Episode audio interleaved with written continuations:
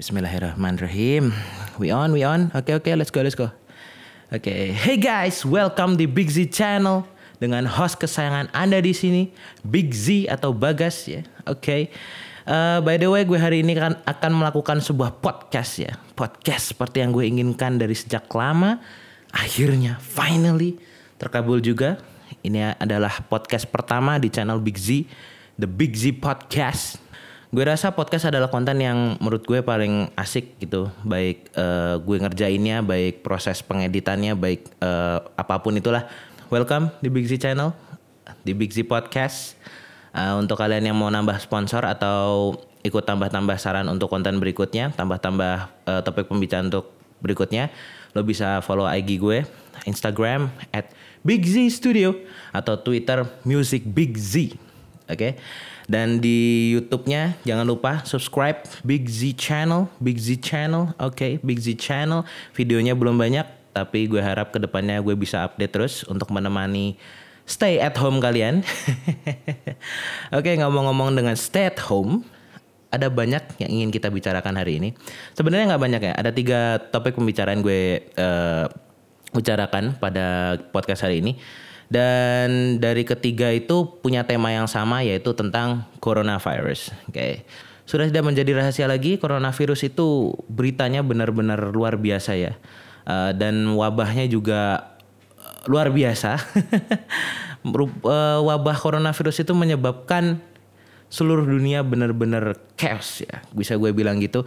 Uh, karena ya ya you know uh, korbannya sudah cukup banyak uh, dari data yang sudah gue ambil uh, tadi pagi gue baru research dan sampai detik ini ada sekitar 2 jutaan 2 juta 500 korban yang terserang coronavirus. Uh, itu menunjukkan bahwa virus corona memang bukan main right? Virus corona itu memang adalah sesuatu yang sangat berbahaya.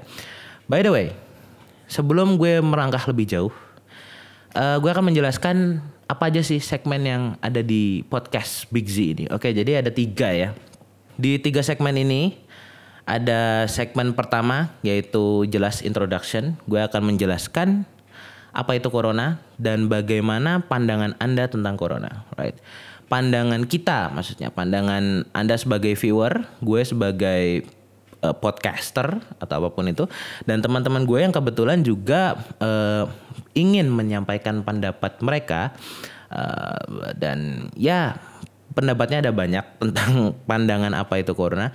Dan di segmen kedua akan ada uh, apa sih yang harus kita lakukan? Uh, selama stay at home ya biar kita nggak bosan biar kita betah di rumah. Karena basically stay at home itu artinya kita disuruh di rumah uh, dan kita boleh keluar hanya untuk keperluan urgent ya.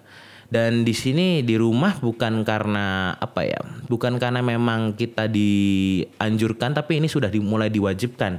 Uh, sebisa mungkin warga negara yang patuh terhadap hukum disarankan agar diwajibkan agar tetap di rumah. Tidak kumpul-kumpul stay at home atau biasa kita sebut social distancing. Dan yang segmen ketiga nanti akan ada apa sih perubahan yang ada di daerah lo sebab karena adanya corona ini. Oke. Dan di setiap segmen nanti akan ada sesi pendapat ya. Jadi di tiap masing-masing segmen nanti gue akan menjelaskan uh, tentang pandangan gue, opini gue dan dilanjutkan pandangan dan opini dari orang lain. Orang-orang yang kebetulan udah gue kontak semalam uh, gue tanyain menurut lo ini gimana sih ya berdasarkan segmen yang udah gue jelaskan tadi uh, pandangan tentang corona tuh apa? Uh, biar nggak bosan di rumah tuh ngapain aja? Uh, perubahan di daerah lo tuh apa aja? Ya intinya seperti itu. Dan di antara segmen nanti akan ada semacam lagu biar menetralisir ya biar tambah semangat. Dan setelah ini kita akan langsung masuk saja ke segmen satu. Pertanyaan what is corona? Apa itu corona? Oke. okay. Jadi uh, awalnya kasus ini yang pernah gue baca di beberapa artikel, corona itu adalah virus yang ditemukan di pasar hewan di Wuhan di China dan itu ditemukan pada tanggal 19 Desember 2019 ya berarti udah uh, udah cukup lama ya. Uh, sekarang udah bulan April ya by the way ini gue ngerekamnya bulan April tanggal 22 tahun 2020 itu 2019 virusnya mulai keluar dan mulai terjadi penyebaran sampai saat ini. Dan virus corona itu basically adalah virus yang menyerang uh, pada uh, organ pernapasan ya. Jadi menyebabkan gangguan pernapasan. Uh, mungkin seperti paru-paru, uh, apa kerongkong kerongkongan tenggorokan ya. Pokoknya gitulah ya di bagian pernapasan. Dan basically virus ini tidak lebih mematikan daripada virus Ebola, SARS atau MERS ya. Mereka padahal satu keluarga yang sama. Jadi SARS dan MERS ya untuk for your information ya SARS dan MERS itu sama-sama virus corona. Cuman khusus corona ini uh, sebenarnya letalitinya atau yang apa bahasanya? Uh, dia berbahayanya itu tidak lebih dari virus SARS ya. Yang memakan korban juga cukup banyak uh, dan virus corona ini termasuk golongan virus yang baru. Baru dalam artian mereka berada dalam jenis yang baru ya. Bisa gue bilang karena virus corona ini termasuk virus yang ya serem ya lumayan serem ya. Bayangin aja uh, dalam waktu sekian bulan sudah menginfeksi hampir 2 juta orang di seluruh dunia. Dan by the way kita akan langsung saja membahas yang inti dari segmen satu yaitu pandangan anda tentang virus corona. Oke jadi menurut pandangan gue sendiri terhadap virus corona ketika awal virus itu keluar di berita. Jadi uh, gue tahu virus itu mulai keluar itu ada di berita di TV dan gue nonton waktu itu dan uh, waktu itu belum dijelaskan secara detail spesifikasinya uh, apa sih gejalanya atau apa sih yang uh, mengkategorikan bahwa orang itu terserang corona gitu. Gak tahu gue yang gak terlalu memperhatikan apa gimana. Cuman waktu itu ada berita ya di Wuhan ditemukan ada virus corona dan sebagainya. Jadi gue nggak terlalu panik. Gue mikir paling virus ini kayaknya menyerang orang Cina aja, hanya menyerang orang di daerah Wuhan sana. Dan setelah lama berita berkembang, berkembang, berkembang, uh, termasuk hoaxnya juga.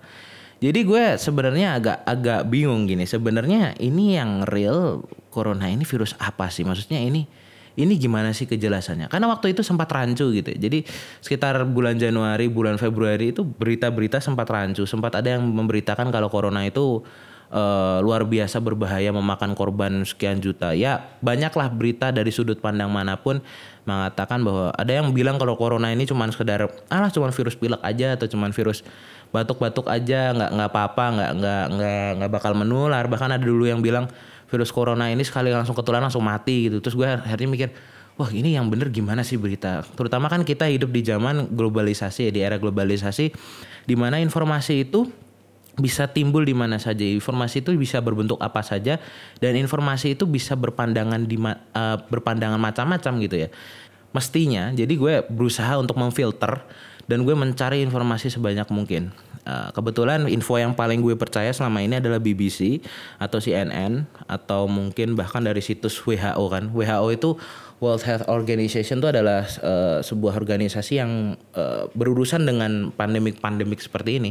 Dulu ada Ebola dan virus-virus macam-macam zaman dulu ya. Dan setelah gue tarik ulur kasusnya uh, intinya seperti itu yang seperti yang gue omongin tadi bahwa corona itu adalah penyakit pernapasan ya.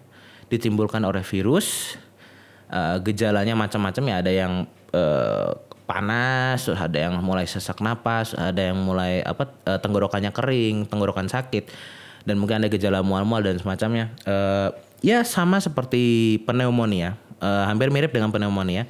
Mungkin bisa dikatakan kalau coronavirus bisa menyebabkan pneumonia. Jadi uh, uh, saling bersinambungan, berkesinambungan gitu loh. Oke. Okay? Terus setelah sudah gue baca-baca, gue lihat-lihat tadi, gue tarik benang merahnya. Oke. Okay virus corona adalah penyakit pernapasan. Jadi solusinya yang utama adalah kita ya harus uh, pakai masker dong. Udah jelas pakai masker. Uh, selang berapa hari kemudian, uh, beberapa negara mulai melakukan lockdown. Lockdown dan gue masih ingat saat itu uh, ketika lockdown pertama kali terjadi di Wuhan dan di negara-negara seperti Italia, Jerman, Amerika, uh, Perancis atau mana pun itu, pokoknya di luar Indonesia gue masih ingat uh, Indonesia malah memasukkan turis asing dari negara lain ke Indonesia. Jadi di saat orang lain berusaha untuk uh, menutup akses orang lain untuk ke negara mereka, kita di Indonesia malah memberikan kebebasan orang untuk berkunjung. Uh, memajukan pariwisata dan semacamnya ya seperti itulah dan gue berpikir oke okay, sepertinya Indonesia uh, santuy sekali ya gitu ya. Gue berpikir what? Oke okay, sepertinya memang nggak ada masalah sih kadang. Dan ya banyak pro kontra di situ pasti ya. Ada orang yang marah sama keputusan uh, pemerintah untuk melakukan hal itu. Ada yang orang yang merasa ah ya nggak apa-apa sih cuman virus corona aja. Orang kita masuk angin aja kita nggak apa-apa. Maksudnya you know uh, dulu sempat ada meme yang mengatakan bahwa orang Indonesia tidak akan terkena corona, right? Khas penyakit Indonesia tuh nggak akan nggak akan nggak akan bisa dikalahkan sama namanya corona gitu loh. Badan kita udah terlalu kebal. Dan gue dulu berpikir bahwa uh, apakah ini nggak berlebihan gitu, maksudnya uh, apakah ini sama seperti kita menyombongkan diri gitu bahwa ya gue dulu berpikirnya gini sih ya sudahlah mungkin memang orang ngomong uh, membuat jokes seperti itu mungkin biar menenangkan diri atau gimana cuman gue lama-lama merasa kalau jokes ini makin makin lama makin makin menjadi jadi gitu makin dan orang makin bilang iya ini Indonesia bro Indonesia nggak mungkin kena corona Indonesia uh, Indonesia kuat Indonesia nggak mungkin bakal kena penyakit-penyakit kayak corona gitu mah nggak mungkin. Nah eh, kasus dulu di Wuhan soalnya ada gini eh, awalnya jalan ceritanya di Wuhan tuh ada orang Indonesia mungkin dan di situ di satu wilayah di Wuhan itu orang Indonesia nggak kena nggak kena corona gitu loh. Orang Indonesia ya mungkin memang memang kebetulan aja orang Indonesia di sana memang kuat-kuat badannya tapi kan ya who knows semua yang membuat aturan di dunia ini adalah Tuhan kan jadi kalau misalnya dengan gitu aja lo tiba-tiba bisa menyimpulkan orang Indonesia mah tahan dari corona Indonesia nggak bakal kena corona. Yo you know what? That, that sucks man.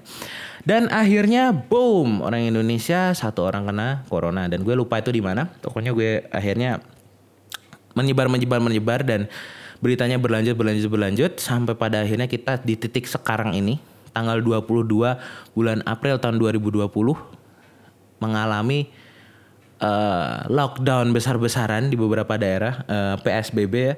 Dan uh, social distancing luar biasa. Seiring dengan sombongnya orang Indonesia terhadap virus corona itu mereka juga mulai sombong bahwa alah yang penting badan sehat gitu. Masih muda sering berjemur sering olahraga pasti tahan sama virus ini. Ya memang ya benar. Virus bisa dikalahkan dengan daya tahan tubuh tapi takdir tidak ada yang bisa mengalahkan apa pun itu right dan benar orang yang meremehkan nggak pakai masker orang yang meremehkan tentang kumpul-kumpul akhirnya mereka kena juga dan endingnya ya sampai sekarang pun mulai ditegaskan lagi, disosialisasikan lagi. Jadi menurut gue ya secara pandangan gue sendiri virus corona itu justru nggak terlalu berbahaya. Yang bego itu yang menyebar-nyebar hoax, yang meremehkan meremehkan hal-hal seperti itu adalah itu yang paling lebih berbahaya daripada virus corona sendiri. Karena seandainya misalnya kita pukul rata ya orang Indonesia misalnya mau menurut semua dalam satu hari atau dalam satu minggu kita semuanya stay at home, tidak pergi keluar rumah, tidak ke mana-mana, tidak ada pendatang, tidak memasukkan pendatang. Insya Allah Indonesia bakal damai-damai aja gitu. Kesalahannya itu tadi telat penanganan dan mulai ada macam-macam. Tapi by the way, gue nggak bisa menjudge, oke? Okay? Keputusan yang ada di uh, di dunia ini semua dibuat bukan tanpa alasan. Jadi alasannya kenapa dulu tidak segera menutup, tidak segera melockdown Indonesia pasti ada alasan tertentu. Entah itu alasan baik atau alasan buruk. Cuman ya kalau gue sementara ini ya menganggap uh, semuanya ya ayo kita lakukan sesuai aturan aja stay at home oke okay? gue di rumah uh, tidak melakukan apa pun uh, maksudnya melakukan social distancing seperti seharusnya ya dan juga gue usahakan gue ini tetap uh, positif gitu. Positif dalam artian begini uh, gue nggak mau jadi orang yang terlalu paranoid. Uh, banyak orang yang terlalu paranoid sama pandemik seperti ini dan mereka menganggap kalau uh, seperti contoh kemarin ya uh, ada sempat berita seorang perawat yang uh, mengatasi pasien corona otomatis dia meninggal karena kena corona uh, ditolak untuk dikubur di daerahnya oleh warga gitu. Dan By the way ini berita udah udah cukup lama ya, udah sekitar sekian hari yang lalu gue udah lupa. Dan di berita ini gue mulai uh, melihat kalau ya orang-orang mulai mulai sensi sekarang, right? Lo mulai sensi sekarang. Lo ke, sebelumnya ke mana? Lo sebelumnya ngapain, bro? Dan itu benar-benar luar biasa ya. Dampaknya itu wah gila. Gue sampai melihat moralnya jadi rusak nih bangsa Indonesia gini caranya bisa Uh, karena karena virus itu karena pemahaman lebih tepatnya dia rusaknya karena pemahaman bukan karena uh, bukan karena virusnya itu sendiri, tapi pemahaman mereka bahwa orang kena virus corona ya udah harus dikubur di tempat yang ada coronanya mungkin atau biar mereka tidak terkena corona. Mereka menganggap virus ini seperti virus antraks atau apa pun itu, tapi ya ya mungkin itu karena kekurang pemahaman aja. Jadi gue masih agak maklum. Dan lebih parahnya lagi sampai uh, itu tuh sampai benar-benar diusir sampai dilemparin ambulannya sampai Wah gue ngeliat sampai nggak tega dan gue menganggap waduh ini ini adalah era di mana sisi kemanusiaan semakin menipis, right?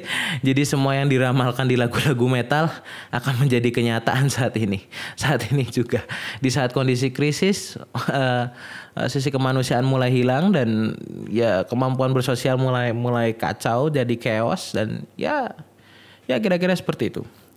Dan by the way mengenai pandangan ini pandangan tentang corona ini ada banyak sekali. Dan gue akan mengambil dari beberapa orang yang uh, semalam udah ngirim pendapatnya meng, uh, me, apa ya ibaratnya me, orang-orang yang sudah mengungkapkan apa yang ada di pikiran dia sudah mengungkapkan apa yang uh, membuat dia ganjil tentang corona ini. Oke, jadi dari tanggapan untuk segmen pertama ini ada komentar dari teman gue sama-sama uh, prodi uh, pendidikan informatika jadi, apa pandangan Anda tentang corona? Yang pertama, corona itu adalah imunnya bumi. Oke. Okay? Ini dia pakai bahasa Jawa guys ya. Jadi gua hanya mentranslate aja sesuai uh, bahasa Indonesianya gimana ya. Jadi bumi mengingatkan kita kalau manusia itu cuma numpang. Kita nggak bisa seenaknya. Setelah sebagian besar aktivitas berhenti, bumi jadi lebih seger, jadi minim polusi. Oke. Okay. Jadi ini uh, aspeknya positif di sini ya. Pandangan terhadap corona yang positif bahwa dengan corona ini kita selain uh, membersihkan bumi, kita jadi mengurangi aktivitas di bumi yang padat yang menimbulkan polusi ya. Kita juga sekaligus juga uh, memberikan apa bumi semacam waktu untuk waktu luang ya. Jadi untuk beristirahat gitu ya. Dia juga bilang kalau corona mengembalikan kita ke kodrat, rumah, keluarga, alam dan Tuhan. Kedua dari teman saya lagi, Delvia, uh, dia dari pendidikan informatika, dia mengatakan bahwa corona itu ya adalah uh, penyakit yang gak bakal ngenain kita asalkan kita hidup sehat dan rajin olahraga gitu. Nggak usah terlalu banyak kumpul. Ya masuk akal juga sih. Uh, ini juga teman gue tapi dia dari pendidikan guru guru SD ya. Di STK PPGRI Pacitan juga. Dia mengatakan kalau pandangan dia corona itu tidak lebih berbahaya dari flu atau DB ya. Flu burung atau DB karena vaksinnya belum ada jadi ini jadi lebih berbahaya gitu jadi poinnya uh, yang membuat virus corona berbahaya ini karena ya nggak ada vaksinnya belum ditemukan vaksinnya gitu. Dari teman gue uh, Mas Yongki dari pendidikan bahasa Inggris dia bilang kalau pendapat tentang corona itu masih bingung dia. Jadi gini uh, dia bingung karena ya dia bingung dengan infonya. Jadi info yang sekarang kita dapatkan tuh benar-benar rancu ya. Jadi nggak uh, jelas arahnya yang mana, yang benar yang mana, yang hoax yang mana. Uh, dan semua itu saling berkembang gitu ya. Jadi di satu sisi ada yang bilang A, satu sisi ada yang bilang B dan pengembangannya tuh banyak seolah-olah jadi lebih-lebihkan dan ada juga info yang seolah-olah tuh ditutup-tutupi gitu. Jadi fakta yang benar-benar ada tuh kayaknya agak susah nyari zaman sekarang gitu. Ada lagi pendapat dari teman gue Intan, dia bilang kalau masih banyak orang nggak paham mengenai corona itu apa dan bagaimana cara mengatasi. Jadi maksudnya uh, corona ini karena terbar, uh, terbilang sebuah virus yang apa ya nggak dibilang baru ya karena ini virusnya sebenarnya udah lama. Cuman orang masih belum familiar gitu dengan nama corona ini. Dan juga kan infonya masih belum banyak yang uh, misalnya yang yang pasti gitu ya. Jadi kayak masih ada yang ragu-ragu gitu ini yang bener gimana penanganannya gimana yang bener uh, apa social distancing ini bener apakah uh, bener corona tuh hanya menyerang orang yang sakit, orang yang lansia apa apa gimana gitu kan masih belum ada info yang tepat itu. Ada lagi ini dari temennya Delvia, teman gue yang tadi gue ceritain. Uh, dia bilang kalau pandangannya terhadap corona itu bahaya karena menyerang pernapasan. Iya, jadi uh, pernapasan itu adalah satu bagian, uh, satu organ yang ada di tubuh kita yang paling vital ya, selain jantung, uh, otak atau uh, apa ya ginjal itu. Jadi pernapasan menyangkut paru-paru itu itu juga adalah organ yang paling vital karena kita bernapas menggunakan paru-paru kan, kita nggak pakai insang bos. Dan responnya 50-50 dalam artian begini. Ada yang melihat corona ini sebagai hal positif. Positifnya ada banyak bro. Positifnya dari corona ini. Yang pertama yang kita tahu adalah sejak ada social distancing. polusi berkurang hampir 80%. Yang gue tahu itu satu. Dan yang kedua uh, sampah yang pada dasarnya Jakarta adalah penghasil sampah besar di Indonesia menjadi berkurang kurang lebih uh, 100 100 sekian ton atau berapapun gue gue udah lupa. Pokoknya adalah beritanya nanti lo bisa cari sendiri di Google. Dan juga yang ketiga, hewan-hewan dan makhluk apa pun yang ada di luar sana bisa mendapat akses kembali seperti sedia kala. Jadi gini, basically yang merusak alam adalah manusia. Oke, okay. membangun jalan, membangun perumahan, membangun uh, fasilitas-fasilitas uh, taman bermain dan semacamnya itu adalah manusia. Dan bumi ini dulu ditempati hewan dan luas, uh, tidak ada batasan, tidak ada pagar, tidak ada jalan raya. Sejak ada virus corona ini, hewan jadi bisa merasakan bagaimana uh, habitat dia uh, seperti semula gitu. Jadi seperti zaman dulu, rusa-rusa mulai berkeluar ber, uh, berkeliaran di jalanan, mulai ada musang, terus mulai ada macam-macam. It's good, oke, okay, it's good. Jadi ada ada sisi positifnya di situ. Sisi negatifnya seperti yang gue bicarakan tadi tentang mental, psikologis, dan kondisi kejiwaan masyarakat seluruhnya. Gue nggak nggak akan bilang ini ada di Indonesia saja, tapi ini di seluruh dunia. Oke, okay? dan gue uh, bicara khususnya di Indonesia karena gue tinggal di Indonesia, gue tahu beritanya di Indonesia di luar negeri gue nggak terlalu tahu. Yang di Indonesia uh, semua orang jadi super paranoid. Seiring dengan keluarnya berita virus corona, di situ juga keluar uh, info bahwa corona bisa dicegah dengan penggunaan masker. Dan saat itu juga gue masih ingat masker harganya jadi mahal banget dan masker jadi barang langka lebih langka daripada batu akik gue nggak tahu kenapa meng menganalogikan seperti itu right? Tapi ini serius ya jadi masker itu yang masih gue inget dulu awal-awal sebelum ada pandemi corona gini beli masker gue dua puluh ribu udah dapat satu satu set sensitif yang yang satu wadah isinya lima atau empat ya. Dan sekarang satu satu wadah itu sensitif itu harganya sekitar 40 sampai 30 ribu dan gue berpikir oh my god oh my god. Jadi situasi seperti ini dimanfaatkan oleh para seller kondisi seperti ini dimanfaatkan oleh penjual-penjual masker dan hand sanitizer untuk memajukan perekonomiannya sendiri. Dan gue akhirnya berpikir oh my god these people is sick.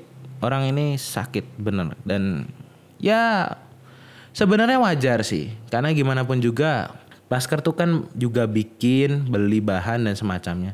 Kalau harga masker lebih murah kan otomatis permintaan bertambah banyak dan mungkin dan mungkin uh, seller itu nggak sanggup memproduksi jadi harganya dimahalin dikit biar penjualan berkurang. Tapi nyatanya namanya orang udah panik ya. Ya tetap aja beli masker, tetap aja nggak ngabis-ngabisin hand sanitizer. Gue sampai bingung. Aduh nih gila nih orang-orang. Ini gila orang-orang nih. Sampai-sampai ya hand sanitizer di toko-toko terdekat gue semuanya habis dalam waktu satu hari. Setelah turun, uh, setelah mobil yang uh, membawa stok hand sanitizer turun, mem memasukkan barang-barangnya ke toko, semua langsung habis. Dan gue akhirnya, uh, ya sudah, oke, okay, well, gue masih punya sabun. Daripada pakai hand sanitizer, gue mending pakai sabun. Oke, okay. selain harganya lebih murah dan juga uh, lebih irit ya. Tapi ya, ya, ya gimana namanya orang-orang mah pengennya mungkin praktis daripada bolak-balik buka keran, pakai sabun, cuci tangan, mereka lebih mending pakai apa namanya pakai hand sanitizer praktis sekali pakai selesai kan okay. dan segi negatif lagi yang gue lihat ada dalam pandemi virus corona ini adalah di saat orang mulai sadar baru sadar pentingnya kesehatan dan gue uh, by the way dari dulu gue selalu dididik oleh orang tua kalau kesehatan itu number one oke okay?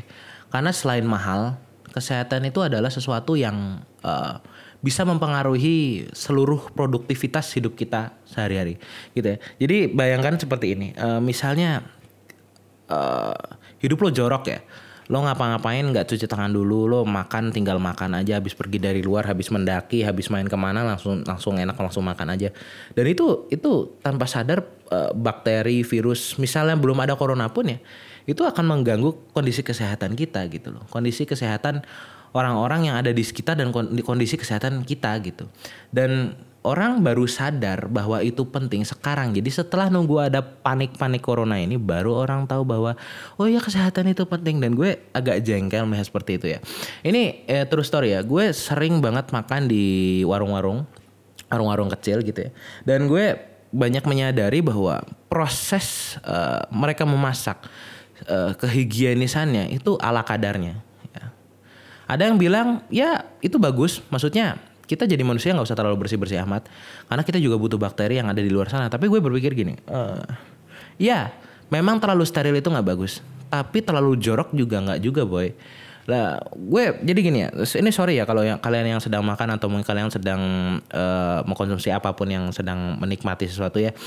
Uh, jadi gue suka tuh makan opor ya. Uh, dan penjaganya uh, si yang punya warung tadi gue amatin cara dia mengambil opor tuh menggunakan tangan. Uh, dan tangan itu sebelumnya dia pakai untuk garuk-garuk kaki. Ini serius bro. Dan gue itu melihat dengan mata kepala sendiri dan saat itu posisi gue sedang mepet jadi kan modelnya warteg itu kursinya melingkar gitu dan melingkar itu yang gue maksud uh, jadi kita makannya berhadapan dengan si pemilik warung yang sedang meracik makanan gitu mungkin kesannya biar kalau makan sambil ngeliat orang ngeracik makanan tuh jadi nambah nafsu makan tapi di lain sisi gue mengamati sambil dia meracik makanan, dia sambil menggaruk-garuk kaki, sambil garuk-garuk tangan, garuk-garuk lengan dan gue nggak bakal nyebutin tuh di warung mana. Tapi ada, ada, ada yang seperti itu dan itu adalah pertama dan terakhir gue makan di warung itu gitu ya. Tapi gue masih makan di warung, cuman nggak di warung itu aja gitu. Akhirnya karena gue tahu, uh ini caranya jorok banget, ya udah kayaknya kayak gitu. Warung-warung sekarang sudah menggunakan prosedur kesehatan yang luar biasa hebatnya. Jadi di situ selain uh, misalnya dulu kan motong apa ya, motong sesuatu pakai pisau. Pisau itu cara bersihnya cuma dicelupin dalam air doang, terus dipakai motong lagi.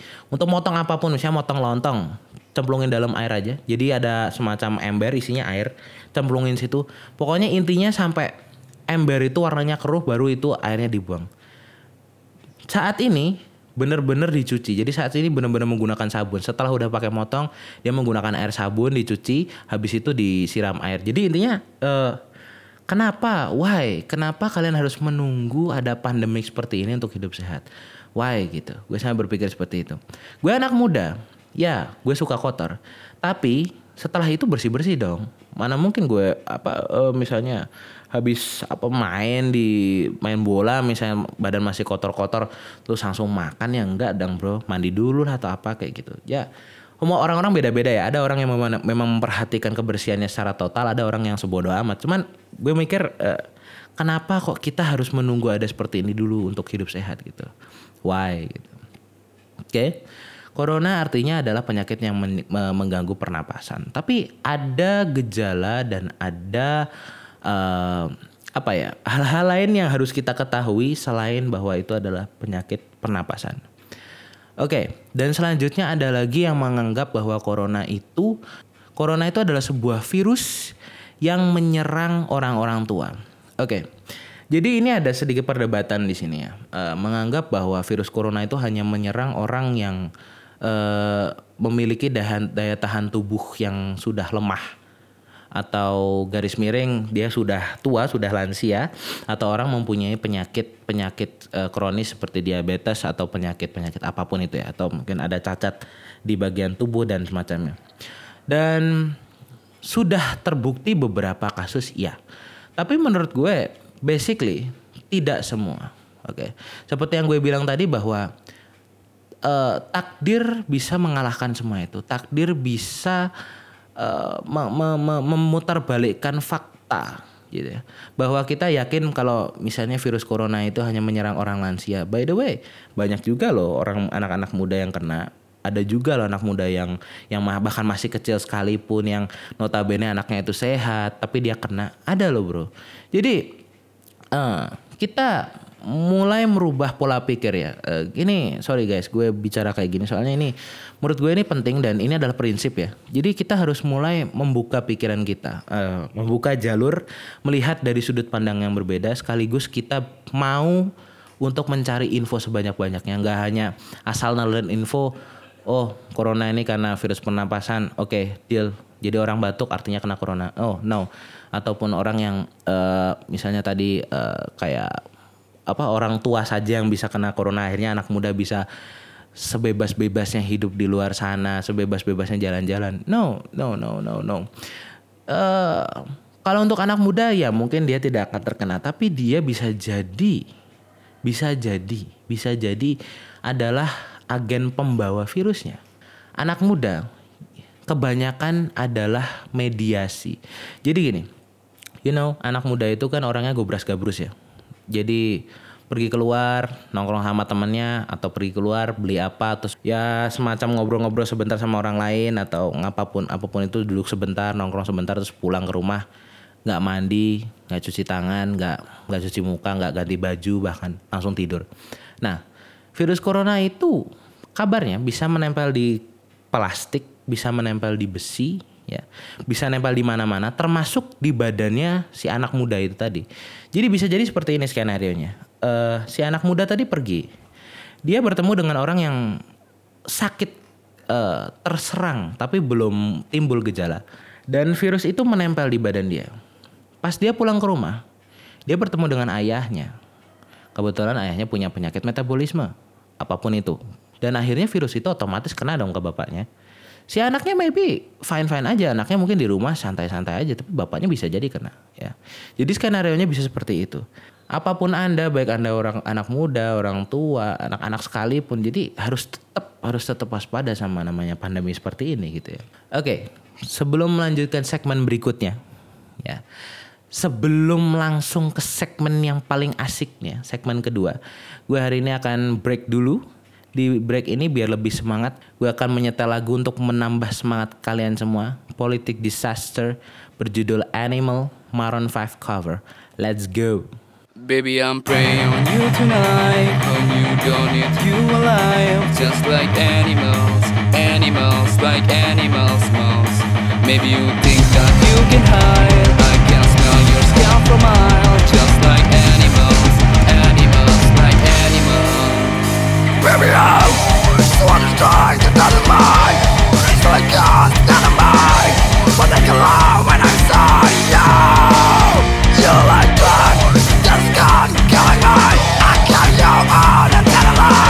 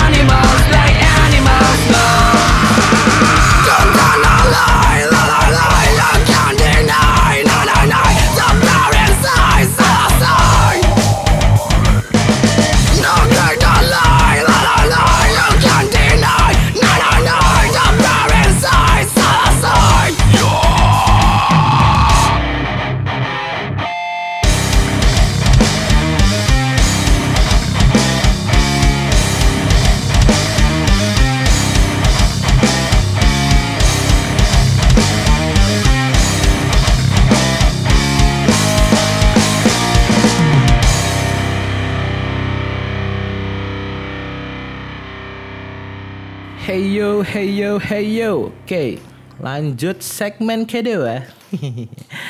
ya, segmen kedua yang ingin gue bahas hari ini adalah apa sih yang harus kita lakukan saat di rumah biar nggak bosan. Oke, okay. ini semua berhubungan dengan uh, stay at home, right? Jadi stay at home, kita harus stay di rumah, kita nggak boleh ngapa-ngapain kecuali itu urgent, nggak boleh ke mana-mana kecuali itu urgent. Um, menurut gue, bosan itu pasti dimiliki semua orang ya. Jadi rasa bosan itu dimiliki semua orang. Cuman jangka waktu untuk menjadi bosan itu orang berbeda-beda. Ada orang yang bisa melakukan sesuatu sampai satu bulan penuh baru dia bosan. Ada orang yang bahkan cuma satu hari doang, misalnya dia suka main game. Satu hari dia main game dan saat itu juga dia langsung bosan. Ada. Dan gue pribadi adalah termasuk orang yang golongan kedua gitu. Jadi gue gue adalah gampang bosan gitu. Ya gue kali ini akan berbicara secara umum aja ya. E, gimana kalau kalau gue misalnya bosan gitu apa yang harus gue lakukan oke jadi jawaban paling gampang dari gue adalah do your hobbies lakukan hobi anda hobi anda tidak harus yang susah tidak harus yang mahal tidak harus yang sulit tidak harus yang rumit ya do ya lakukan apa yang hobi yang paling melekat dalam diri Anda yang sesuai dengan passion Anda gitu. Hobi itu ada banyaknya, ada olahraga, ada musik, ada seni, ada hiburan, ada permainan, ada ya ada banyak. Uh, dan menurut gue, gue pribadi ya, uh, hobi yang paling nggak bikin bosan adalah hobi yang menantang. Oke, jadi gue bilang seperti ini. Uh, hobi menantang itu adalah tidak harus game jadi intinya di hobi itu kita harus men-challenge ya, me, me, memberikan tantangan ke, dal, ke dalam hobi kita, ke dalam diri kita uh, agar kita tuh terus terpancing untuk bisa melakukan hobi itu secara terus menerus. Misalnya seperti ini, uh, gue hobi gitar, hobi main musik. Di uh, hari pertama mungkin gue memainkan lagu-lagu gampang kayak bosan dong lagu-lagu gampang tuh pasti bosan dong. Misalnya gue ngarap lagu pop atau ngarap lagu apa ya ya yang chordnya cuman gampang-gampang seperti itu. Bosan akhirnya ke depannya gue harus ada challenge di sini. Tujuannya ya biar nggak bosan pasti. Jadi gue nambah itu oke okay, gue akan bikin uh, lagu gue akan mainin lagu yang agak susah. Uh, teknikal atau musik-musik apalah pokoknya lebih susah bikin jari tuh bikin gue ngulik seharian sampai gue akhirnya capek sendiri. Nah itu adalah hobi yang menurut gue nggak bakal bikin bosan itu ada hal yang bakal uh, membuat uh, hidup lo menjadi lebih nggak bosan gitu. Dan ada juga ya game ya. Pasti game uh, misalnya game itu pasti bertingkat ya. Ada di level 1 terus mulai nanti masuk ke level 2 level 3 level 4 level 5 uh, atau game online mungkin yang lo naik naik pangkat akhirnya lo menemui musuh yang tambah susah Ya intinya hobi itu jangan yang hobi stagnan. Misalnya contoh seperti ini. Hobi stagnan uh, yang paling simple misalnya rebahan nonton TV ya. Uh, nonton TV itu ya memang uh, bukan hobi ya, mungkin sebutannya hiburan ya. Tapi itu lama kelamaan akan membuat kalian bosan gitu. Karena di situ otak kalian nggak berpikir, otak kalian hanya melihat visual dan mendengarkan mendengarkan audio dan kalian tidak akan berpikir di situ. Kalian hanya hanya cukup melihat melihat saja gitu. Kalau kalian butuh hiburan yang menantang, mungkin kalian bisa baca buku, baca artikel, baca jurnal, atau baca blog, atau baca baca baca apa pun. Baca intinya. Karena baca itu banyak orang e, bilang kalau baca itu selain sebagai hiburan yang cukup menghibur dan juga bisa menghilangkan penyakit penyakit lansia yang e, mungkin akan menyerang kalian di saat kalian masih muda yang akan menyerang kalian duluan sebelum kalian lansia seperti yang paling gampang ya pikun, Alzheimer atau ya apa pun itulah penyakit memori itu bisa lebih tercegah ketika kalian memiliki hobi baca buku.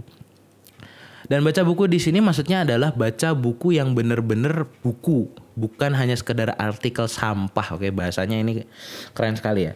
Jadi uh, ya uh, banyak teman gue yang ngaku dia suka baca. Oke, okay, baca. Oke, okay, I know. Dan setelah gue lihat baca apa, Bro?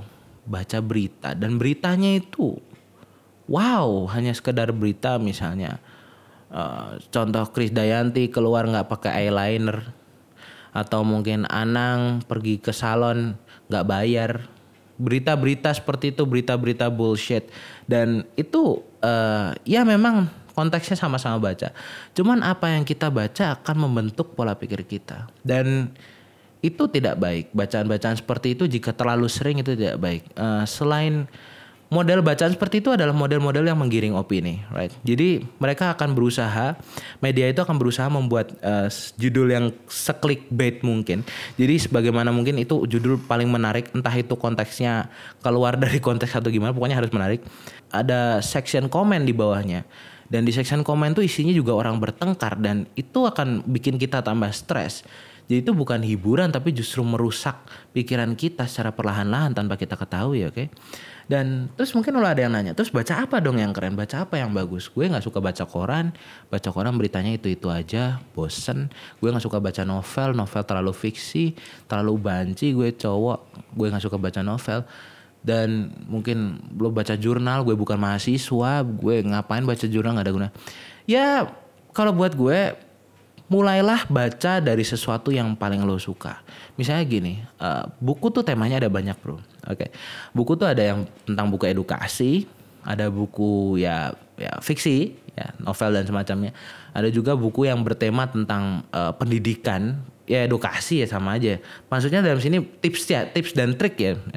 Jadi buku tentang tips dan trik itu ada banyak. Ya, tema buku tuh ada banyak. Ya lo mungkin coba misalnya lo senang musik, lo coba cari buku Ya, kalau zaman sekarang mungkin buku cetak sudah jarang dipakai, mungkin e-book lah ya. E-book formatnya PDF. Cari aja di Google. Misalnya lo suka biola, jadi cara main biola atau mungkin sejarah biola.pdf atau mungkin musisi-musisi hebat dalam uh, bermain biola.pdf. Apa pun itu. Kita membicarakan masalah buku. Oke, lanjut masalah apa yang harus kita lakukan tadi hobi uh, yang pertama tadi gue jelaskan ada ada hobi yang menantang ya dari jejak pendapat untuk segmen kedua ini Ilham teman gue ya dari PGSD mengatakan kalau biar nggak bosan kita bisa main game main ke rumah tetangga nah ini ini ini yang aneh nih ini ini, ini. ngapain kita ke rumah tetangga bro social distancing bro so, ada juga nonton film ada juga olahraga oke okay. Mas Yongki teman gue dari pendidikan bahasa Inggris bilang kalau cara menghilangkan kejenuhan banyak. Oke, okay. jadi dia ini adalah orang yang kreatif termasuknya uh, orang yang uh, positif ya. Jadi dia ini penyanyi by the way guys. Uh, you know dia itu adalah uh, anggota paduan suara di STKP PGRI Pacitan, suaranya bagus banget. Jadi dia suka cover lagu, uh, suka lihat tutorial internet, tutorial masak, tutorial edit dan ya intinya pokoknya dia mengisi waktu luang uh, biar dia selalu sibuk jadi dia nggak bosan. Dan dari Delvia Nova untuk segmen kedua dia menyatakan bahwa biar nggak bosan ya tinggal orangnya. Jadi maksudnya di sini uh, seperti gue bilang di awal bahwa bosan itu tergantung orangnya gimana cara menanggapinya. Jadi semuanya tentang pola pikir gitu. Ika ngomong kalau uh, biar nggak bosan cari kesibukan gitu, bikin masker, uh, ngilangin bosan juga menghasilkan. Oke, okay, oke, okay, oke, okay, asyik, asyik. Jadi emang benar-benar produktif banget nih guys. Intan, temen gue bilang kalau orang bosan itu ketika menunggu. Oke, okay? jadi ketika kondisi seperti ini dia cuma menunggu, menunggu dalam artian jadi dia nggak melakukan apa-apa, dia hanya uh, melakukan rutinitas yang yang tidak tidak menantang, tidak challenging buat dia, itu dia uh, bakal cepat merasa bosan. Jadi mungkin lebih baik kalian melakukan sesuatu yang lebih produktif atau melakukan hobi yang lebih lebih lebih menantang lagi. Jadi membuat kalian tuh merasa tertantang, jadi kalian nggak akan merasa bosan gitu. Teman gue Dita menyatakan kalau uh, tidak ada cara untuk menghilangkan bosan karena bagaimanapun bagaimanapun cara ngilangin bosan kalau dilakukan secara terus menerus pasti jadi bosan lagi. Wah ini dagel nih orang ini ini konyol orang-orang nih. Oke okay, bagi Mr. H ya untuk orang introvert memang mereka suka di rumah gitu. Kalau orang ekstrovert pasti akan kesulitan. Jadi dalam artian gini orang ekstrovert bakal lebih cepat bosan saat kondisi seperti ini gitu. Gue awal bilang kalau orang introvert kan biasanya memang di rumah aja, memang mereka nggak ke mana-mana, mereka nggak mau bersosial, mereka sulit untuk berkomunikasi dengan orang lain. Jadi mereka fine fine aja di rumah, mereka bakal mencari sesuatu yang membuat mereka nggak bosan. Tapi itu di rumah. Tapi untuk orang orang ekstrovert yang memang suka jalan-jalan, memang suka kumpul-kumpul, ini adalah kondisi yang sangat menyiksa, bro. Oke. Okay sekarang menurut temennya temennya teman gue oke okay, jadi ini ini gue anggap aja Mr. M ya uh, untuk ngilangin bosan dia YouTubean. Iya, emang zaman sekarang sih banyak platform hiburan yang bisa kita gunakan secara gratis, secara gampang asalkan kita punya koneksi, kita punya kuota dan kita punya gadget atau Android smartphone ya. Uh, dan itu adalah uh, satu-satunya hiburan yang bisa kita akses selama ini karena Uh, selain karena apa lebih mudah ya dan juga apa ya ibaratnya sudah familiar lah YouTube tuh udah platform streaming sejak lama udah cukup lama gitu dibanding yang lain gitu kan. Uh, untuk ngilangin bosen uh, itu setiap orang beda-beda. Ya gue setuju. Rebahan memang nyaman, oke. Okay?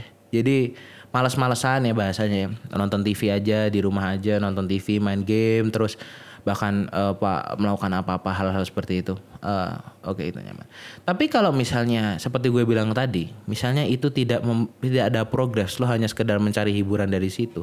Lo hanya hanya hanya sekedar stuck di situ. Misalnya lo main game lo hanya main di isi terus lo nggak pernah progres ke ke ke ke fase-fase yang lain ke yang medium atau yang hard atau yang ekstrim lo lama-lama kan bosan bro. Lama-lama lo pasti akan bosan. Oke. okay. Jadi saran gue sementara apa yang harus lo lakukan biar biar nggak bosan di rumah selama stay at home? Lakukan hobi dan hobi itu harus challenging. Oke. Ada lagi yang nanya ke gue kemarin. Uh, gimana sih kalau misalnya kita udah jalanin hobi, hobinya juga cukup challenging ya. Misalnya gue suka olahraga gitu. Olahraga itu gue dalam satu hari misalnya ngelatih dada, terus ngelatih lengan, terus ngelatih kaki terus lama-lama kan bosen tuh. Kok bisa lama-lama bosen? Uh, repetisinya gue tambah. Jadi misalnya asal angkat beban eh, tiga kali atau 10 kali dia tambah jadi 15 kali tambah 20 kali. Dan lama-lama dia bosan dia pengen satu hobi yang baru gitu. Terus gue gue jawab ke dia uh, mungkin daripada daripada hobi yang baru kenapa nggak tetap di situ aja? Misalnya dia kan memang suka hobi olahraga ya. Tapi uh, variasikan dengan permainan dan beberapa dari chat tadi malam yang gue baca uh, banyak yang bilang kalau uh, stay at home ini mereka stuck. Dalam artian mereka sudah nggak punya pilihan lagi. Mereka udah malas mau ngapa-ngapain. Mereka udah uh, bingung mau ngapa-ngapain. Dan endingnya mereka hanya rebahan. Bisa jadi mereka juga mungkin nggak punya uang ya jelas ya. Wayah-wayah seperti ini selain berpengaruh pada uh, psikologi terhadap uh, kondisi lingkungan juga perekonomian pastinya ya. Ada orang yang memang dia tidak punya apa-apa. Dia udah bingung mau ngapain. Tapi dia stay positif. Dia masih masih masih ingin ingin apa merasakan hidup yang challenging. Mereka ingin ingin ingin sebuah tantangan dalam hidup mereka. Mereka tidak akan menyerah sampai di situ, Bro. Mereka akan melakukan apa pun yang mereka bisa agar mereka bisa mendapatkan apa yang mereka inginkan gitu. Jadi misalnya gini, uh, gue katakanlah seperti ini, uh, orang yang wayah corona gini, dia tidak punya laptop, dia tidak punya TV, dia tidak punya peralatan olahraga, dia tidak punya uh, piano, dia tidak punya gitar, dia mungkin bisa saja uh, misalnya menggambar. Yang paling gampang itu ya, menggambar itu nggak harus di kertas kan lo bisa hanya menggambar di tembok menggambar di apa pun lah menggambar. Membuat apa saja membuat kerajinan tangan menggunakan menggunakan apa. Jadi dari beberapa pendapat gue ambil kesimpulan kepuasan itu yang membuat orang nggak cepat bosan gitu loh. Kepuasan yang ada dalam diri kita jadi bukan karena orang lain misalnya kayak misalnya dipuji orang lo selalu merasa puas bukan kepuasan seperti itu pada dasarnya semua manusia tuh butuh kepuasan dari dalam dirinya sendiri itu sebabnya kenapa orang yang kaya, orang yang populer, orang yang uh, punya penggemar banyak, belum tentu dia bahagia gitu. Karena basically mungkin dalam dirinya sendiri dia belum ada kepuasan gitu. Dia belum bisa berdamai dengan diri sendiri.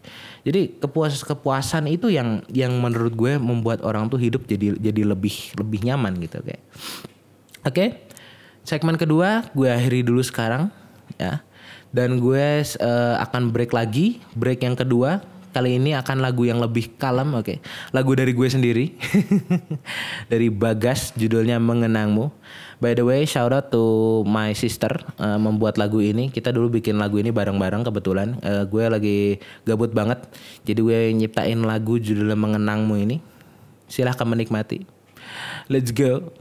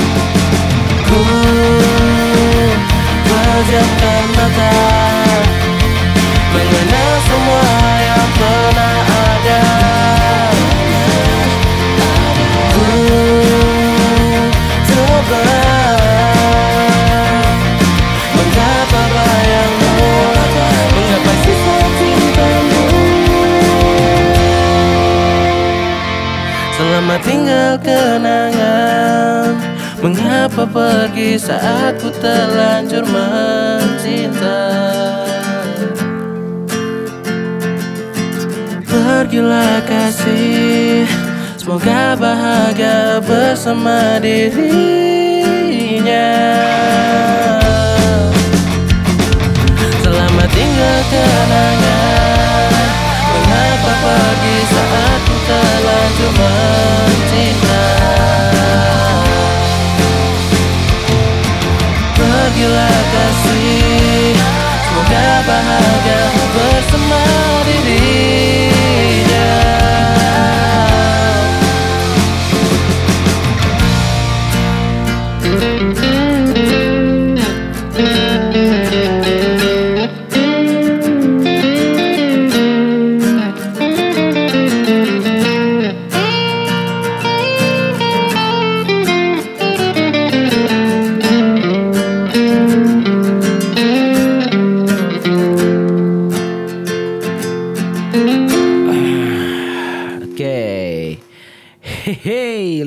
lanjut lanjut. Oke, segmen berikutnya, segmen terakhir pada podcast hari ini. Oke, segmen ketiga yaitu apa sih perubahan yang terjadi di daerah Anda setelah terjadi virus corona? Eh, ya, oke. Mungkin gue akan mulai eh, menuju ke topik yang lebih sensitif di sini ya, karena eh, mungkin beberapa orang bakal merasa tersinggung atas bahasan gue kali ini. Eh, ini menyangkut pautkan dengan hubungan sosial antar masyarakat. Jadi ada tiga hal yang menjadi eh, sebuah eh, tolak ukur dalam perubahan yang terjadi saat ini, saat ter- terjadi pe- penyebaran virus corona ini. Yang pertama dari faktor psikologi, ekonomi, dan sosial. Ya. Dari faktor psikologi, perubahan jelas seperti yang gue ceritakan di segmen satu tadi bahwa orang mulai parno, orang ketakutan, orang eh, panik tapi masih dalam batas yang uh, biasa tapi nggak tahu ke depannya mau gimana. Ada beberapa orang yang panik sampai ekstrim luar biasa sampai udah pokoknya dia nggak mau keluar rumah sama sekali ke mana-mana dia bawa hand sanitizer dia ke mana-mana pakai masker yang barang-barang masker lengkap pakai sarung tangan pakai baju hazmat nggak tahu apa pun itu. Dan dari segi ekonomi jelas. Sejak ada virus corona yang terutama turunnya awalnya itu di Cina dan Cina itu adalah pemegang perekonomian di dunia ya basically. Dan itu membuat perekonomian dunia ini benar-benar kacau oke. Okay. dan tidak terlepas di Indonesia juga. Di daerah gue mulai banyak orang yang bingung dalam artian uh, pekerjaannya uh, semuanya pada tutup uh, semacam ya dihentikan sementara karena ada lockdown besar-besaran ini Sekaligus juga ada yang di PHK. Perekonomian ini mulai mulai berubah, perekonomian ini mulai terjadi chaos. Jadi sampai sampai terjadi PHK besar-besaran. Uh, dan tentunya untuk orang yang berprofesi non pegawai, ini adalah sesuatu yang sangat mengguncang ya. Ya, gue ambil contoh aja orang yang berprofesi sebagai uh, maybe dia jualannya, jualan sesuatu apa pun itu Eh, yang di mana penghasilan itu hanya dia dapatkan dalam waktu satu hari itu juga. Uh, bayangkan jika terjadi stay at home, dia tidak bisa ke mana-mana. Dan orang yang memperkerjakan dia pun tidak berani memperkerjakan dia. Ya karena itu tadi harus harus semuanya ada social distancing dan semacamnya. Terus dia sehari-hari makan dari mana bro? Dia sehari-hari mau makan apa gitu? Lo dapat duit dari mana gitu dan Nah kondisi seperti itu sangat mengganggu ya, sangat sangat membuat uh, kacau ya dan lama kelamaan juga itu berpengaruh terhadap apa ya eh, hubungan sosial antar manusia gitu. Dengan sulitnya mendapatkan uang, orang jadi lebih galak gitu. Kalau gue melihatnya gitu sekarang. Uh, jadi orang tuh jadi ya otomatis sumpek ya. Gimana ya? Lo bayangin tanggal tua tapi berkepanjangan gitu. Tanggal tua yang benar-benar uh, dalam waktu yang sangat panjang gitu. Biasanya kita mendapati tanggal tua di akhir bulan kan. Dan ini tanggal tua hampir hampir empat bulan berjalan ini tanggal tua terus dan tapi untungnya dengan adanya uh, social distancing semua ini bakal timbul profesi-profesi baru yang cukup menguntungkan seperti ojek online atau misalnya yang orang bagian-bagian delivery delivery atau orang yang uh, di bagian-bagian apa uh, sosial hal, hal seperti itu akan akan menguntungkan. Terus gue akan bicara masa, masalah kondisi sosial ya. Sosial yang galak ini yang gue bilang tadi bukan berarti uh, semua orang. Gue tidak mengeneralis mengeneralisasikan, tapi hanya banyak kasus uh, orang-orang tuh mulai mulai jadi apa ya? Bener-bener social distancing. Ya gimana bahasanya? Ya gue bilangnya orang-orang tuh mulai mulai mulai jadi takut gitu loh. Mau berhubungan sama orang lain tuh jadi takut banget gitu jadi satu contoh uh, gue beberapa hari yang lalu pergi ke rumah teman. Ada keperluan yang ini sangat penting sekali ya. Uh, gue ke sana pakai jaket seperti biasa. Gue selalu pakai jaket pakai helm pakai masker juga. Gue menuruti aturan-aturan yang ada. Pakai masker pakai celana panjang pakai sepatu dan uh, mungkin karena kondisi seperti ini akan membuat orang-orang jadi sensitif ya jadi orang-orang menganggap kalau gue itu adalah pendatang. Orang menganggap kalau gue yang pakai jaket berbadan e, berpakaian lengkap gini nih adalah orang yang datang dari luar kota gitu. Itu sudah menandakan bahwa e, kondisi sosial zaman sekarang sudah sudah nggak seperti sebelumnya lagi gitu. Dan lo lihat ya, e, kalau zaman dulu gue datang misalnya ke rumah orang itu orang tuh udah benar-benar open aja welcome. Eh ada ada ada ada, ada apa kamu ke sini? Ada apa? Mau beli mau apa? Mau ketemu siapa? Mana? Pokoknya lebih ramah gitu ya bahasanya. Sekarang tuh orang udah benar-benar uh, apa ya kayak semacam kayak takut gitu loh. Kamu dari mana nih? Apa ini ke sini? Ngapain? Mau ada urusan apa? Gini. Jadi uh, baik itu terucap secara verbal maupun secara gimmick ya. Jadi secara gerakan mereka udah kelihatan kalau seolah kamu tuh ngapain sih ke sini gitu. Ini tuh udah kondisinya berbahaya banget bro. Ini ngapain lo ke sini? Nah dan kondisi sosial itu benar-benar uh, apa ya berpengaruh banget terutama untuk orang yang biasa berkehidupan bertangga gitu mungkin untuk orang yang individualis maksudnya dalam satu lingkungan kompleks itu mereka sendiri-sendiri itu tidak akan terlalu bermasalah right Uh, tapi ini nggak semua ya. Oke, okay, gue gue kasih uh, gue note lagi, gue note lagi di sini. Ini ini ini ini tidak semua, tidak semua. Hanya beberapa kasus khusus saja.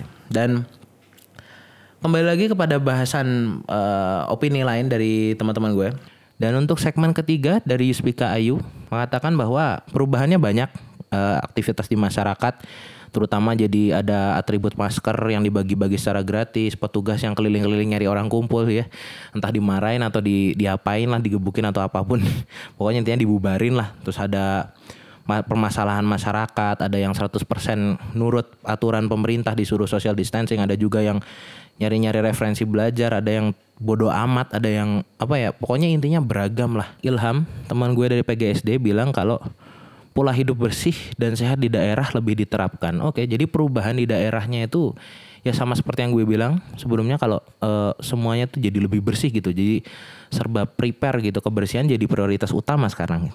Kalau menurut Mas Yongki, uh, teman gue dari PBI mengatakan kalau sebenarnya nggak ada perubahan yang signifikan dari daerahnya dia gitu. Karena uh, rutinitasnya uh, tetap sama Uh, tapi kalau pekerjaannya pasti pasti pekerjaan banyak yang work from home ya WFH.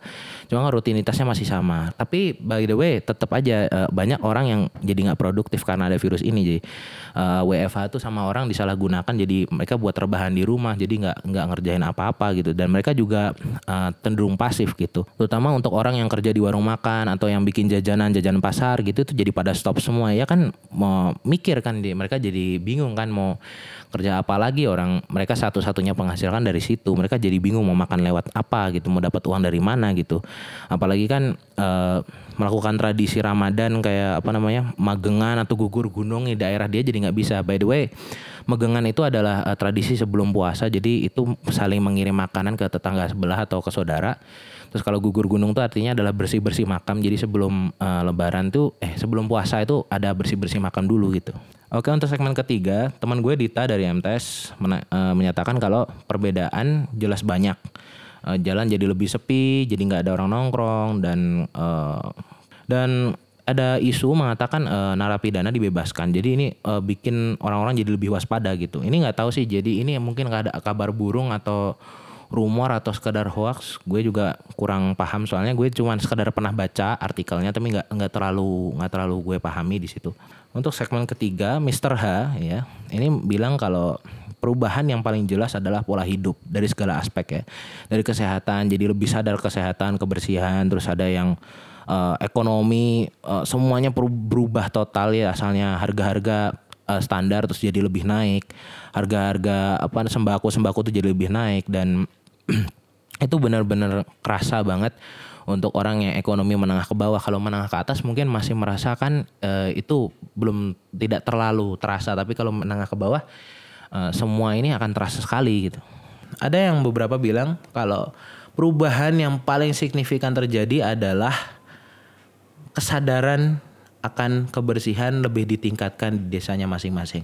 Dan ya itu jelas ya. Jadi uh, semua daerah saat ini uh, daerah-daerah seperti apa ya yang uh, posko pertemuan atau misalnya depan pos kampling, depan kantor desa, depan depan kantor-kantor itu semuanya sudah diberikan air dan sabun dan hand sanitizer. Dan gue sampai uh, melihat ya yeah, it's good. Dan ini ada yang paling menarik menurut gue. Jadi ada yang bilang kalau uh, sejak ada virus corona ini terjadi uh, orang-orang jadi terbagi jadi dua dua kubu ya. Satu kubu pertama adalah orang yang tetap meyakini sholat berjamaah dan yang kedua adalah orang yang meyakini sholat berjamaah itu bisa ditunda kita lakukan di rumah saja karena ada social distancing. Oke, okay. gue nggak akan membahas masalah itu benar atau enggak, tapi gue akan membahas masalah logikalnya. Jadi begini, uh, masjid adalah tempat yang bakal didatangi orang banyak. Itu adalah tempat umum ya. Maksudnya uh, tempat yang uh, bakal didatengin orang tidak hanya orang daerah situ, tapi orang daerah lain juga datang ke situ. Mungkin juga orang-orang yang uh, merantau mampir ada masjid nggak? Ya akhirnya di masjid itu juga. Dan di sini uh, timbul pertanyaan gitu. Terus kalau misalnya ada orang gitu apa uh, kita tetap sholat di masjid nggak ya? Kalau gitu kan pasti kan banyak penyakit ya pasti kan aneh-aneh gitu. Ya mungkin ada masjid tertentu yang memang prosedur pembersihannya sekarang jadi ditingkatkan gitu. Jadi setiap ada sholat jamaah langsung disemprot, dikasih desinfektan, terus ada juga masjid yang diberi jarak-jarak gitu ya. Jadi antara softnya diberikan semacam garis menggunakan double tape atau apa pun itu. Dan gue akhirnya berpikir, hmm, Kalau menurut gue sendiri, semua itu kita uh, harus berpikir secara logis ya. Jadi begini, ya memang agama itu nomor satu, oke. Okay. Uh, sholat ibadah itu nomor satu. Untuk kalian yang beragama, sholat itu uh, apa beribadah itu nomor satu. Tapi ada baiknya jika kita juga berpikir gitu. Karena kita juga manusia, oke. Okay? Kita punya akal, kita adalah makhluk paling uh, paling mulia di mata Tuhan. Uh, ada baiknya kita berpikir kalau itu beresiko atau tidak. Dalam artian seperti ini. Uh, kalau lo setelah berjamaah, lo nekat ya, lo berangkat. Oke. Okay. Setelah berjamaah selesai. Tanpa sadar, tanpa lo tahu, lo ketempelan virus corona ketempelan aja lo nggak bakal terserang karena lo masih muda seperti yang gue ceritakan tadi ketempelan pulang ke rumah ketemu keluarga misalnya lo punya anak anak lo misalnya dalam kondisi kritis atau lagi-lagi kondisi badan kurang fit ya corona itu kena ke anak corona itu kena ke bapak kena ke ibu kena ke orang tua kena ke siapa orang lain dan akhirnya karena lo lo sholat di lo nekat sampai akhirnya lo uh, membuat sakit orang di rumahnya lo bakal menyalahkan akhirnya. Gue sholat di masjid bikin corona. Gue nggak bakal sholat di masjid. Itu bakal lebih berdosa ketimbang daripada misalnya lo uh, memang sudah merencanakan oh ya masjid itu sepertinya memang nggak bagus uh, maksudnya ada banyak pengunjung. Gue sepertinya nggak nggak sholat sholat di masjid dulu gue sholat di rumah aja uh, jamaah dengan keluarga-keluarga lebih aman dan lo akan hidup terus berlanjut seperti itu itu lebih baik seperti itu dan gue menurut gue memang memang bagusnya ya ya ya udahlah kita uh, kondisi seperti ini yang logis aja lah ya. Logisnya. Ini bukan bukan gue menyalahkan sholat berjamaah lah ya. Sholat berjamaah itu bagus, beribadah itu bagus, oke. Okay. Lo mau ke gereja, mau ke mana pun itu bagus. Cuman uh, saat kondisi seperti ini, uh, sisi logis kita sebagai manusia tolong lebih diutamakan. Oke, okay. lebih diutamakan. Karena ini bukan menyangkut dengan kita sendiri, tapi ini juga menyangkut ke orang lain. Oke, okay. lo nggak bakal kena, lo nggak bakal kena corona, lo lo sehat, lo kondisi lo sedang fit gitu. Tapi how about how about yang lain gitu kan? Lo mencelakai orang lain kan lo juga berdosa bro. Lo misalnya lo tahu kalau ini salah, lo tahu kalau ini bakal mencelakakan diri lo sendiri, terus lo nekat di situ. Itu kan juga bakal berdosa buat lo sendiri kan. Dan sejak banyaknya hoax tentang corona ini, orang sekarang jadi lebih banyak uh, yang ingin menggali informasi gitu.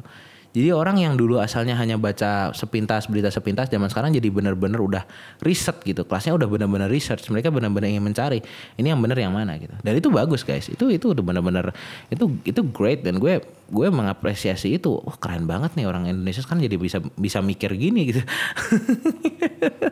kadang tuh berita dari satu orang ke orang lain udah berupa udah berubah konteks gitu. Tapi di sini kalau misalnya lo memang orangnya apa ya?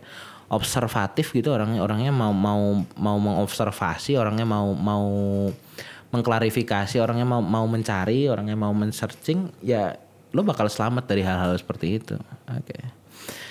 oke okay, bahasan podcast kita sudah cukup panjang hari ini udah hampir udah lebih dari satu jam ya.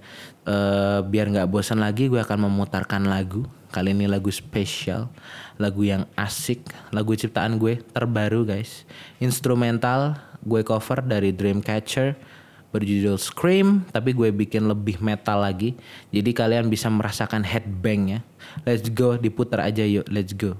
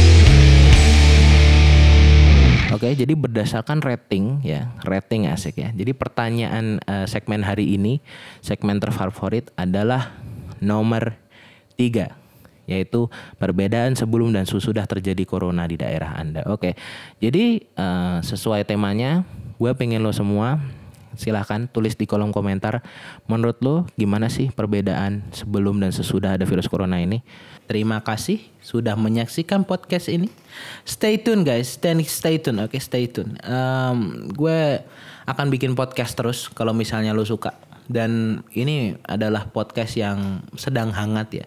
Jadi podcast ini memang gue khususkan untuk membahas corona. Dan by the way terima kasih sudah mendengarkan podcast hari ini. Ya.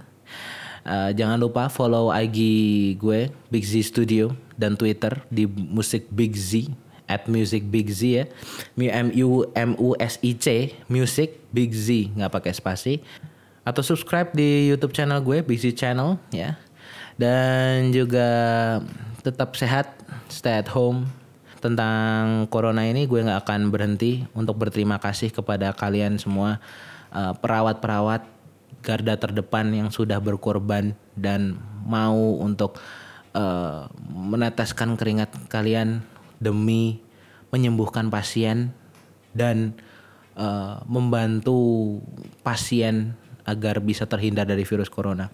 Uh, gue sangat berterima kasih, gue sangat mengapresiasi uh, kerja keras kalian semua dan juga semuanya. Gue akan bilang uh, semuanya juga ada polisi, terus ada pemadam kebakaran, ada abang ojek online yang mendedikasikan hidupnya untuk membantu pasien-pasien corona, membantu orang-orang agar tetap social distancing, agar tetap stay at home. Gue berterima kasih banyak. Shout out untuk kalian semua. Tepuk tangan. Dan juga terima kasih uh, untuk orang-orang yang mau berbagi dengan gue uh, berbagi tentang apa pembahasan topik hari ini uh, dan untuk lo yang pengen berbagi juga silahkan follow di IG gue Big Z Studio atau di Twitter gue musik Big Z dan bisa kalian DM gue langsung ke IG gue. Uh, tanyakan saja apa apa saja apa topik yang kiranya bagus gue untuk gue bahas di segmen berikutnya di podcast berikutnya gue mungkin akan membahas yang lebih menarik ya, lebih asik ya daripada hari ini. Hari ini podcast pertama ini kayaknya lebih surem ya karena membahas sesuatu yang sedang sedih ya, uh, sesuatu yang tragis menurut gue. terlalu berlebihan kayaknya tragis. Uh, sedang berbahaya, sedang sedang apa ya bahasanya, sedang heboh di sini. Ya. Oke, terima kasih. Selamat malam bagi pendengar semua. Selamat beristirahat. Uh, tetap jaga kesehatan, makan yang benar, istirahat yang cukup, olahraga, uh, lakukan hal-hal yang menurut kalian menyenangkan, hobi atau apa pun itu. Stay at home, jangan ke mana-mana sampai virus corona mereda. Baik, terima kasih atas perhatiannya. Big Z out.